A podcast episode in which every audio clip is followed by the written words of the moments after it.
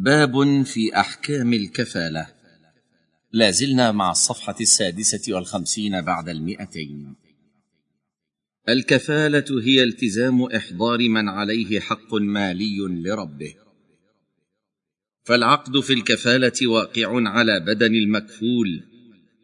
فتصح الكفالة ببدن كل إنسان عليه حق مالي كالدين.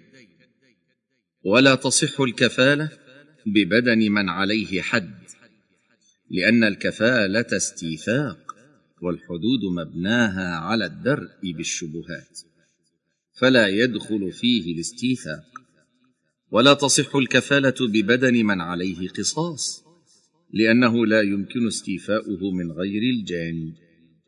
ولا يجوز استيفاؤه من الكفيل إذا تعذر عليه إحضار المكفول.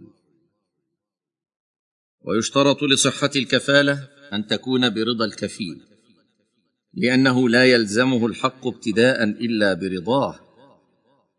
ويبرأ الكفيل بموت المكفول المتعذر إحضاره. ويبرأ كذلك بتسليم المكفول نفسه لرب الحق في محل التسليم وأجله لأنه أتى بما يلزم الكفيل. وإذا تعذر إحضار المكفول مع حياته أو غاب ومضى زمن يمكن إحضاره فيه فإن الكفيل يضمن ما عليه من الدين.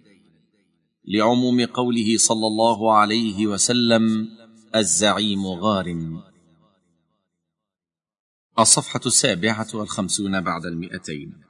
حاشية. انظر الجزء الثاني الصفحه الستين وأن إسناده قوي. انتهت الحاشية.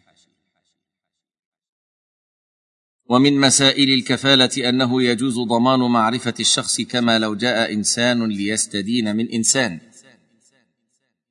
فقال أنا لا أعرفك فلا أعطيك. فقال شخص آخر أنا أضمن لك معرفته أي أعرفك من هو وأين هو. فإنه يلزم بإحضاره إذا غاب.